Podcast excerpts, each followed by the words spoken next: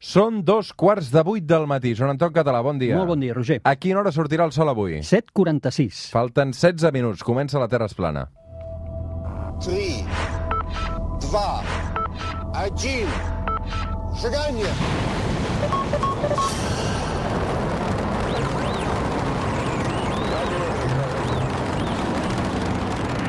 One small step for man,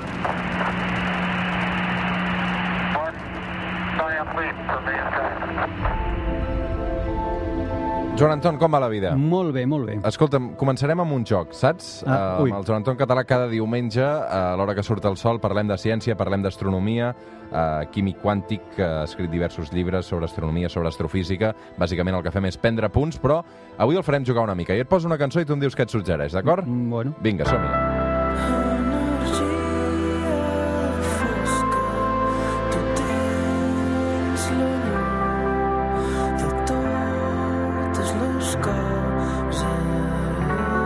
Energia fosca, tu tens la llum de totes les coses. bueno t'agraeixo que m'ho hagis posat tan fàcil. Ah, Perquè com has dit un joc, dic, ui, faré el ridícul. què és això? Això és Calaril, el petit de Calaril és el disc Energia Fosca, la cançó també Energia Fosca. Recordem que eh, sembla, pel que ell mateix va dir en aquest programa, el suplement... No, eh, això, tot això t'ho poso perquè he vist que aquestes últimes setmanes heu estat molt actius a les xarxes. Sí. Tots dos us heu estat fent aquesta relació epistolar a través de Twitter. Sí, perquè ell va dir que havia, havia escoltat un dels nostres La Terra és plana, que això amb ell l'havia inspirat per escriure El disc. eh, el disc i a partir d'aquest moment doncs, ens vam posar en contacte, jo li he passat el, llibres meus, ell m'ha passat el seu Disc. disc, signat. Bueno, la veritat és que superbé, molt bé. L'hem d'anar a veure un dia en directe perquè t'encantarà. Jo aquest estiu he tingut la sort de poder-lo veure un parell de dies i és meravellós. És meravellós i aquest disc que ha fet Doncs. és fantàstic i sempre que podem aprofitem també per, per reivindicar-ho. Dit això, de l'energia fosca a una consulta d'un diari que he llegit aquesta setmana. Mm. El forat negre de la nostra galàxia sembla que té gana. Sí, a veure, eh, sabem que al centre de la nostra Via Làctia hi ha un forat negre que n'ano- n'anomenem supermassiu, perquè té una massa superior quasi, quasi a, a 5 milions de vegades la del, la del Sol. Altres galàxies també el tenen i altres galàxies el que veiem és que aquest forat negre està devorant matèria. Ho veiem perquè emet molta radiació d'alta energia, vol dir que està devorant constantment matèria. El nostre forat negre està com dormint, Mhm. eh? és un gegant adormit i no devora matèria, excepte que darrerament eh, s'ha anunciat que alguns astrònoms han aconseguit detectar moments puntuals com si aquest forat negre estigués devorant matèria per uns flaixos de llum que ha provocat. Això vol dir que alguna cosa ha passat massa a prop d'aquest forat negre, poden ser estrelles, poden, fer, poden ser grans núvols d'hidrogen, i els ha devorat emetent aquesta, aquests flaixos. Per tant, això, un gegant que està adormit eh, s'ha despertat per fer eh, res, uns Mossos molt petitets de tastat quatre coses i torna a estar adormit. Mm, Déu-n'hi-do eh, tot això com evoluciona i, Sí. I, i realment acarreem a la conclusió aquella de no som absolutament res. Eh? No, no, Uh, Joan Anton, va, deixem que avui aparqui per una estona la- l'astronomia i ens situarem avui amb un capítol de la Terra Esplana dedicat a la ciència. I avui parlarem d'un concepte que és la radioactivitat. Som-hi, doncs. A veure, prenem a punts. Què és la radioactivitat, Joan Anton? Mira, la, radioactivitat es produeix quan un àtom d'un element químic inestable, un àtom que és inestable, i després explicarem raons per les quals pot ser inestable, es torna inestable emetent una partícula o emetent energia. Llavors, emetent aquesta partícula o aquesta energia, ell decau, es diu, decau, es converteix en, una, en un àtom més estable. I aquesta energia que emet, o aquesta partícula que emet, és com una bala, és com un projectil, en això li anomenem radioactivitat. Què vol dir inestable? Inestable, normalment els àtoms acostumen a ser inestables quan el nombre que tenen en el nucli de neutrons respecte al nombre que tenen de protons no els converteix en espècies diferents de la que la natura seria la correcta. Val? Per tant, normalment són àtoms que acostumen a tenir més neutrons en el seu nucli que els que li correspondrien. Llavors tenen tendència a deixar anar aquesta extramassa que tenen i la deixen anar, com deia abans, o en forma de partícules o en forma d'energia. A més, es pot passar que això va en cadena. És dir, un àtom radioactiu, un àtom inestable, pot emetre per intentar convertir-se en un àtom estable, però potser no ho aconsegueix a la primera i acaba produint un altre àtom que torna a ser radioactiu, torna a ser inestable, que torna a emetre radioactivitat i així això es produeix una cadena fins que s'assoleix un àtom que és estable, un àtom que ja té la configuració de, en el seu nucli que a, la nostra natura el fa ser absolutament estable i ja no necessita emetre res per viure, diríem, durant molts anys. Escolta, ara t'he de fer una d'aquelles preguntes que, que m'has demanat, Sí. però que jo no en tinc ni idea. O sigui. T'he de preguntar per un isòtop. Molt bé, molt bé. Els isòtops són variacions d'un mateix element químic, que justament varien pel número de neutrons que tenen. Per exemple, a l'hidrogen, que és l'element químic més senzill que hi ha a la natura, en el seu nucli només té un protó, sense cap neutró. Però poc a poc, eh? Poc a poc, eh, Joan Anton? Que ens un, estem un embalant, eh? protó i cap neutró, val? això és l'hidrogen. Però si en un hidrogen li poso un neutró en el nucli, segueix sent un hidrogen, però ja té un neutró allà, en diem deuteri. És un isòtop de l'hidrogen. Llavors, si li posem dos neutrons, segueix sent un hidrogen, però que li anomenem triti. Té un protó està. I dos neutrons. Per tant, els isòtops, molt ràpidament, són No em vull saber res, me'n vaig. no, home, no, mira, és que és molt fàcil. Són variacions d'un mateix element químic a on el nombre de neutrons en el nucli varia. Ja està, això són isòtops. Tots Molt. són hidrogen o tots són carboni, tenim el carboni 12, el 13, el 14, tots són carboni, tenen les mateixes propietats químiques, però pesen diferent perquè tenen diferent nombre de neutrons en el seu nucli. Tots aquests tritons, eh, quan es converteixen en radiació? no són tritons, són, eh, són tritis, eh, en el cas de l'hidrogen. Clar, eh, els isòtops només n'hi acostuma a haver-hi un d'ells que és l'estable. A la nostra natura, al nostre univers, n'hi ha un d'ells que té el nombre, com dèiem abans, de neutrons perfecte per ser estable. Els de més tenen tendència a decaure, tenen tendència a desintegrar-se i convertir-se en l'isòtop estable emetent radiació. Per tant, acostumen a ser radioactius, eh? acostumen a ser isòtops que emeten aquesta partícula o aquesta energia per acabar convertint-se en la varietat més estable. Mhm. Com es va descobrir la radioactivitat? La radioactivitat es va descobrir perquè eh, ja des de final del segle XIX es coneixien materials, minerals, etc que provocaven emissions d'energia en forma de fosforescència. No sabien per què, eh? Però- se sabia quin tipus de materials eren. Per exemple, hi havia minerals d'urani que produïen aquesta, aquestes eh, fosforescències i s'anomenaven ratjos eh, de Becquerel, eh? perquè el, aquest científic, el Henry Becquerel, eh, els va eh, estudiar molt a final del segle XX. Però on es produeix 19, perdona. On es produeix la gran, la gran passa endavant són, és amb, amb els Curie i especialment amb la Marie Curie. Amb una dona, sí, sí, Marie Curie. Marie Curie, que també a final del segle XX estudia amb molt deteniment aquest fenomen dels ratlls de Becquerel i, i veu, eh, descobreix la radioactivitat, veu que en realitat són emissions o d'energia o de partícules. El, estudia aquestes emissions, li dona nom a radioactivitat, ve del descobriment que ella fa de dos elements químics, que un és el radi, que dona nom a tot aquest efecte de la radioactivitat. L'altre és el poloni, perquè ella tenia origen polonès. Ella descobreix dos elements químics en tot aquest procés d'anàlisi i guanya dos premis Nobel. És a dir, hi ha molt poca gent a la història, ara no recordo si només tres persones o quatre, no ho recordo ara, que han guanyat dos premis Nobel. Ella guanya un premi Nobel de física i un de química a part que és la primera dona en guanyar un Premi Nobel de qualsevol tipus. És una figura absolutament excepcional, una dona excepcional que va morir justament dels efectes de la radioactivitat. Sí? Sí. No ho sabia, això. No, ell, ell, sí, ell, ells en aquell moment no sabien els efectes que la radioactivitat provocava amb els teixits De vius. seguida hi anirem aquí, també, I, sí. i, I va morir. Va morir, eh, crec que a l'edat de 66 anys, Mm. eh, per efectes de- d'un tumor, per efectes de la radioactivitat. Escolta, m'associem molt la radioactivitat a, a processos artificials, Mhm. a, també aquests grans casos que hi ha hagut, com Txernòbil, com Fukushima, però també és un procés natural, la radioactivitat, sí, no? A sí, sí, permetem, per això que faci una puntualització. Sí. He dit que va morir d'un tumor, va morir, va morir d'anèmia. Eh? Ara he repassat el, els apunts, va morir d'anèmia, als d'anèmia. 66 anys.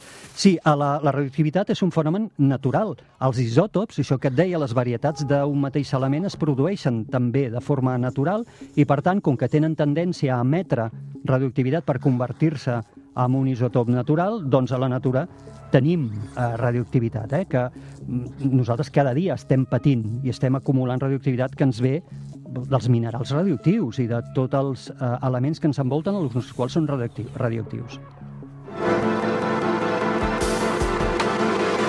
Avui amb el Joan Anton Català intentant desxifrar per què es produeix aquesta radioactivitat, d'on ve, quina és la història, com la va descobrir. Sabem que va ser Maria Curie una de les principals eh, investigadores, també en va patir les conseqüències. Quins tipus de radioactivitat tenim? A veure, ara sí que has d'agafar punts, Vinga. perquè eh, n'hi ha molts, però bàsicament n'hi ha tres de molt importants, que són els que ja parlarem. Un es diu desintegració alfa. Mm. Eh? Això és l'emissió d'un nucli d'heli. Una partícula d'alfa és un, imagina't un àtom radioactiu molt inestable perquè té molts neutrons, alguna de les varietats de l'urani, per exemple, que té tendència a deixar anar aquests neutrons que li sobren i els deixa anar en forma d'un nucli d'heli, que és un element molt estable. Per això la natura té tendència a deixar anar aquest nucli. I es desprèn alhora de dos protons i de dos neutrons. Això s'anomena desintegració alfa i el projectil que emet, la bala que emet, la radioactivitat que emet, és un nucli d'heli a gran velocitat amb molta energia, la qual cosa el fa ser molt perillós, però perillós alhora que de molt curt abast.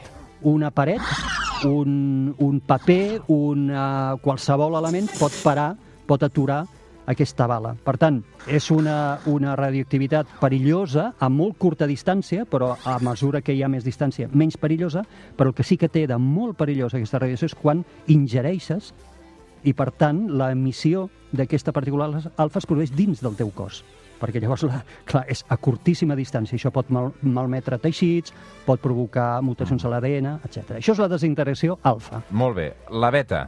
La beta, la desintegració eh, beta és deixar anar un electró. Eh? És la transmutació entre un protó i un neutró que s'intercanvien, un es converteix en l'altre i deixa anar o bé un electró o bé un positró. No entrarem en els detalls. Però torna a ser un projectil a molt alta velocitat, també molt perillós, en una mica més d'abast, però també de curta distància. Molt perillós si ingereixes substàncies, aliments, aigua, que han estat contaminats en elements radioactius. Molt bé. I l'última? La gamma, que és la potser la més eh, nociva, o amb seguretat, que és l'emissió d'una partícula de llum. Això ja és radiació, ja no és una partícula en massa, sinó que és llum directament, llum de molt alta energia. Això sí que ja no hi ha qui ho pari. Això pot travessar parets, o s'haurien de fer parets molt gruixudes, sí, evidentment de plom, eh? Uh, però això és molt nociu i produeix mutacions a l'ADN, etc a llarga distància. Molt bé. Hem sabut com n'és la radioactivitat, com es produeix, com es mesura. Hi ha, element, hi ha mm, equips que permeten mesurar aquesta radiació, o bé perquè mesuren, perquè detecten les partícules alfa o beta que són emeses, o bé perquè eh, detecten les eh, partícules gamma, els rajos de llum d'alta energia, que són emesos. Mm -hmm. Normalment eh, sempre vinculem la radioactivitat als seus efectes nocius, però també Sí. serveix per curar, també té coses Oh, I bones. tant, i tant. Per exemple, de petits, sempre que hem anat a la consulta al metge, els rajos X De petits i de grans, Sí, I de sí. grans, sí, però ja ho hem fet molt de petits, volia dir, no? Doncs eh, quan anem, o, o al dentista, que ens fa les radiografies dentals, no?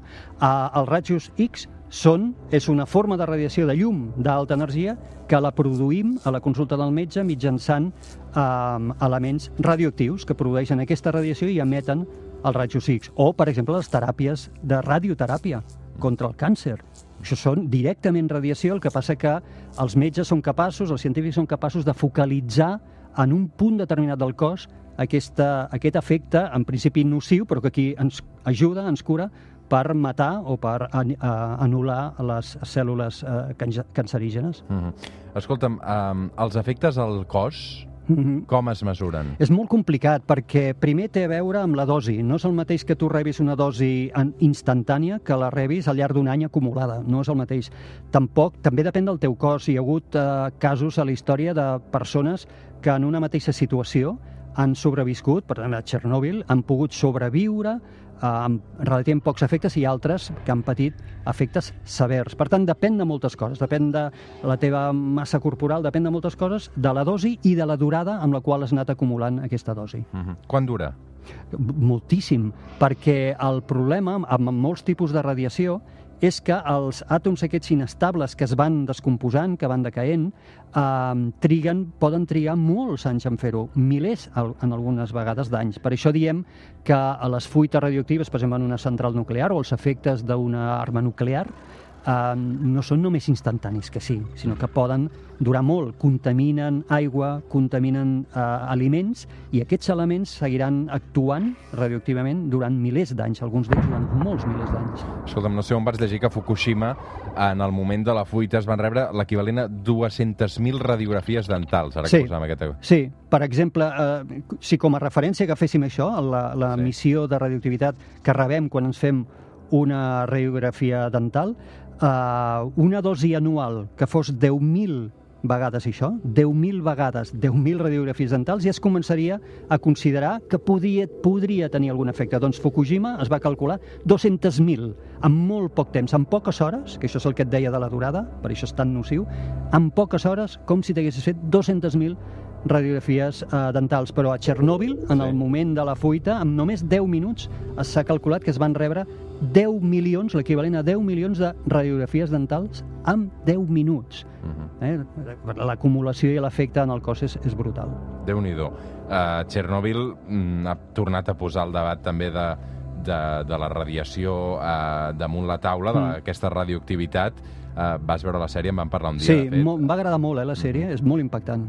I, I, de fet, el que és sorprenent és que es continuï fent malament, no?, tot, Sí, tot plegat. sí, se, se, seguim... Perquè allà, al final, ho van solucionar tapant-ho, no? Un sarcòfag I, immens I, i, que- i que- això algun dia s'haurà de tornar a posar un altre sarcòfag sí, damunt. Sí, sí, ja se'n va posar un, va demostrar tenir esquerdes, perquè el van fer eh, amb el sacrifici de moltíssima gent que va perdre la vida en allà construint aquest sarcòfag, i després se'n va haver, en època més recent, de construir un altre per sobre, que és l'estructura mòbil més gran que s'ha fet mai al món, una estructura que es va moure sobre raïls, es va construir a una certa distància i es va moure sobre raïls i ha tapat l'antic sarcòfag, però el que tu deies, és a dir, en algun moment haurem de plantejar què fem allà dins i seguirà havent durant milers d'anys descomposició radioactiva d'elements molt perillosos. Escolta'm, quina relació té eh, tot això que estem explicant amb els fòssils? Per exemple, és una altra de les utilitats que, que té la radioactivitat. Abans et comentava els isòtops i et deia que són variacions d'elements químics. Doncs el carboni, si recordem, el, el mètode del carboni 14, eh, que recordem o hem llegit que serveix per datar eh, teixits, a lo millor, o fòssils antics. No? El carboni 14 és una varietat, és un isòtop del carboni 12. Carboni 12 seria el carboni més estable a la natura. El carboni 14 té dos neutrons en excés. És radioactiu perquè té tendència a deixar anar aquests neutrons per convertir-se en el seu germà, que és el carboni 12. Doncs, si nosaltres tenim una mostra de teixit, un fòssil antic, mesurant la proporció que hi ha de carboni 14 respecte al carboni 12, el seu estable, el seu germà estable, podem saber com d'antic és aquell fòssil, perquè el ritme en el qual el carboni 14 es converteix en carboni 12 el tenim perfectíssimament estudiat. Un mètode, per tant, de, de datació molt eh, segur, molt fiable, el carboni 14, però n'hi ha d'altres també basats així. El carboni 14 ens serveix per uns quantes desenes de milers d'anys, però coneixem elements de datació que ens permeten tirar enrere milions i milions d'anys amb la datació. No només és el carboni 14, que és potser el més conegut. Escolta, tot això que estem explicant, eh, Joan Anton, eh, quina mena de, de, de relació pot tenir o com encaixa tot això que estem explicant amb les armes nuclears? Fatal, eh? fatal. Estem gastant diners per matar-nos, ho hem explicat moltes vegades. Les armes nuclears produeixen dos efectes. Un que és instantani, que és l'explosió, eh? la ona expansiva i de calor que produeix l'explosió a l'atmosfera, perquè recordem que els fan detonar a una certa alçada perquè els seus efectes es puguin distribuir encara mm, pitjor, diríem. Eh? Uh, però després els elements radioactius, donat que porten nuclis de plutoni i urani, eh, provoquen un munt d'elements radioactius, no només urani i plutoni, el que et deia abans, una reacció en cadena que dissemina pel medi ambient un munt d'isòtops radioactius, de molts elements, que estaran allà durant milers d'anys i, per tant, contaminaran tota la cadena d'aliments. Contaminaran des de l'aigua, als aliments dels eh, herbívors, per tant, a la llet, per tant, i els, els carnívors. És a dir, ens contaminaran durant milers d'anys eh, tot allò que hagi estat sotmès en aquesta radiació. Avui amb el Joan Anton Català no mira gaire cap al cel, hem mirat més cap a la Terra i aquesta radioactivitat, eh, Déu-n'hi-do, realment el panorama eh, que Mm. tenim mm, és el aquest que descrius. Eh? Sí. Joan Anton, què hi passarà aquesta setmana al cel? Podrem evadir-nos de tots Sí, sí, aquests agafem, desastres? agafem aire, llavors el dijous, dia 3, serà molt bonic de mirar el cel de nit, si no ens plou, perquè la lluna creixent es posarà al mateix costat que Júpiter, tots dos molt baixos sobre l'horitzó. Per tant, ideal per fer fotografia en un horitzó, en un Sí, quan skyline. mirem la Lluna, al costat hi veurem Júpiter. Sí, una estrella que no s'estrella, molt, molt, molt brillant que Júpiter, i com que aniran baixos, és perfecte per poder fer fotografia en sortir un skyline o de ciutat o de muntanya, juntament, eh, que ens enviïn fotografies. Arroba estels i planetes, arroba el suplement, totes aquestes fotografies que feu de nit, eh, o de dia també, millor de nit en principi. Sí, aquestes que, de nit, sí. Ara que la nit es comença a allargar, doncs podeu començar a fer totes aquestes fotografies. Arroba el suplement, arroba estels i planetes. Joan Anton, fantàstic com sempre, una abraçada. Ja, gràcies. Fem una pausa i continuem el suplement.